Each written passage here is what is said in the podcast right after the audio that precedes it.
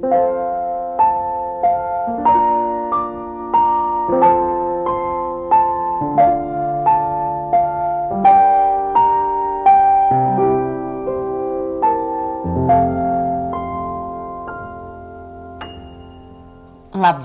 manu draudziņ! Vai tu jau guli gultiņā? Tad es tev pastāstīšu, kur guļ saule.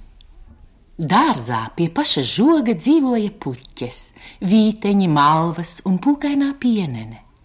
Vispļāpīgākā no visiem bija saules puķe. Jau pašā rīta agrumā, tiklīdz saule parādījās pie žoga, tā jau klaigāja. Sveika, saule! Labrīt!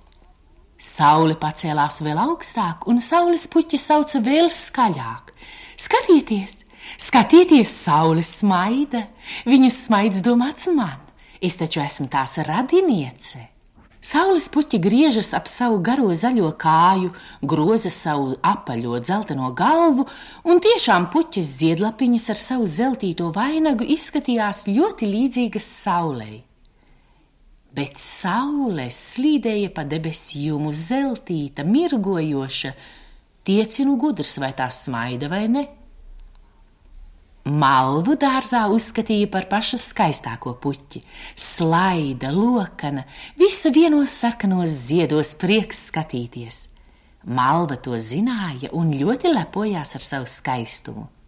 Toties puķis zirnītis, kaut arī tam ziediņi bija koši un smaržīgi, nemaz nebija iedomīgs. Viņš bija kautrīgs un kluss. Viss neizskatīgākā no visiem bija pienene. Ne tai ražana auguma, ne skaistuma, uztievā kakliņa bāli izpūrusi galviņa, uz visām pusēm saslējušās lidojošās sēkliņas. Toties visā dārzā nebija otras tik zinātkāras puķis kā pienene. Gadījās, ka atlido zvirbulis, nosēstas ceriņu krūmā un sāk čivināt, kur bijis, ko redzējis, vai atkal kamene lidinās ap puķiem un sanēdama stāsta savus jaunumus. Pienenīte ir pati uzmanība, baidās kaut vārdiņu palaist garām, klausās vērīgi, jo vērīgi, un pie tam birst viens jautājums pēc otra. Arī pašlaik pienenīte sacēlusi savu balto pūkaino galveli un jautā: Bet No kurienes rodas lietus? No debesīm, protams, atbild saules puķi.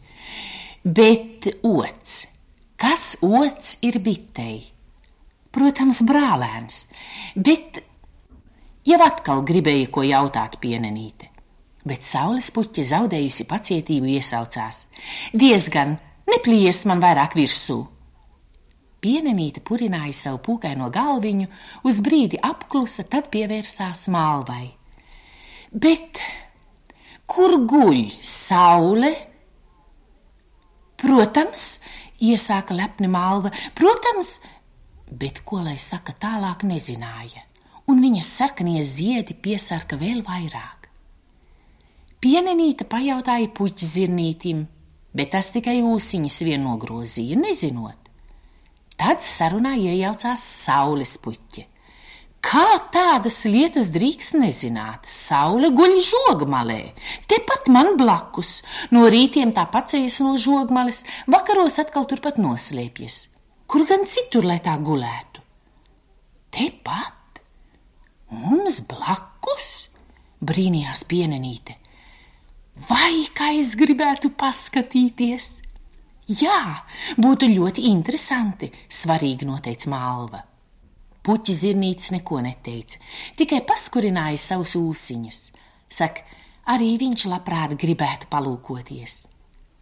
Un puķis norunāja tā: Rīt no paša rīta, kamēr vēl saule nebūs pamodusies, visas viņas paskatīsies, kā tā žogmalē guļ. Pirmais no rīta pie sētas pielīda puķis zirnītis. Pieķērās ar ūsiņām pie vienas dēļas, skrambiņas pie otras, iebāza spraugā savu ūsiņu, aptina to ap naglu un pamazām vijās uz augšu. Viņš jau gandrīz bija ticis līdz pašai augšai, trūka vairs tikai mazs, mazs gabaliņš, bet pietrūka spēka. Tā arī puķis zirnītis palika karājoties pie žoga. Tad augšup sāka tiekties malva. Pacēlās uz pirkstu galiņiem augstāk, vēl augstāk, Arī viņai atlika vairs tikai pavisam mazs gabaliņš, bet nekā, augums bija par mazu. Te dārzā ieskrēja draiskulis vējš, pakūleņoja, pakūleņoja un aizdrāzās tālāk uz pļavām. Tur var vairāk izskrieties, un vai nu tīši vai netīši, bet vējš paķēra vienu no pienenītes lidojošo sēkliņu pūkainās galviņas un aiznesa to sev līdzi.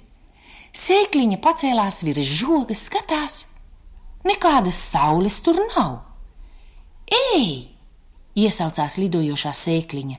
Saules aiz žoga nav, un arī pļavā nav. Sēkliņa pacēlās vēl augstāk un pēkšņi iesaucās: Redzu, redzu! Lūk, kur ir saule, vēl pavisam samiegojusies paceļas virs koku galotnēm. Vai dzirdi? Pienenīt iečukstēja puķi zirnītim. Vai dzirdi? Puķi zirnītis pačukstēja malvai. Vai dzirdi? Malvas svarīgi paziņoja saules puķei. Izrādās, ka saule nemaz neguļ žogmalā. Saules puķi nodūra galvu zemu, zemu, vai nu tāpēc, ka nokaunējās par savu tukšo lielību, vai arī tāpēc, ka tai bija jau nogatavojušās sēklas un galva kļūsi smaga. Es redzu, ka arī tava galviņa kļuvusi jau pavisam smaga. Liec nu vien to uz spilventiņa un guli. Ar labu nakti!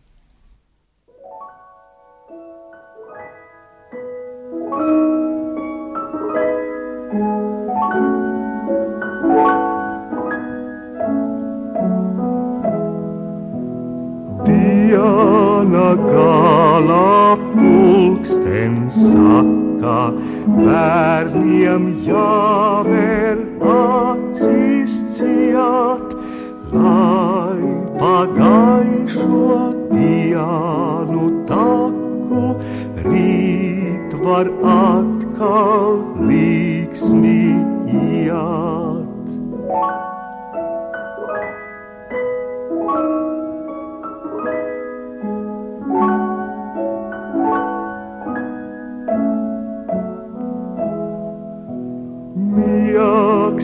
Kā pieneņķūkas laižas, nogurušos plākstus sēdz.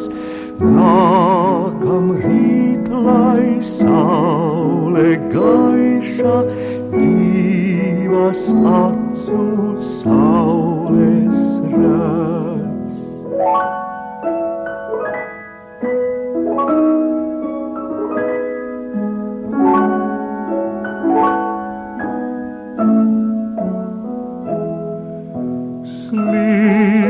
Garām sapņu ainas, nakts tev īsa, īsa kļūs, tomēr diena brīnumaina, skaistākā par sapniem.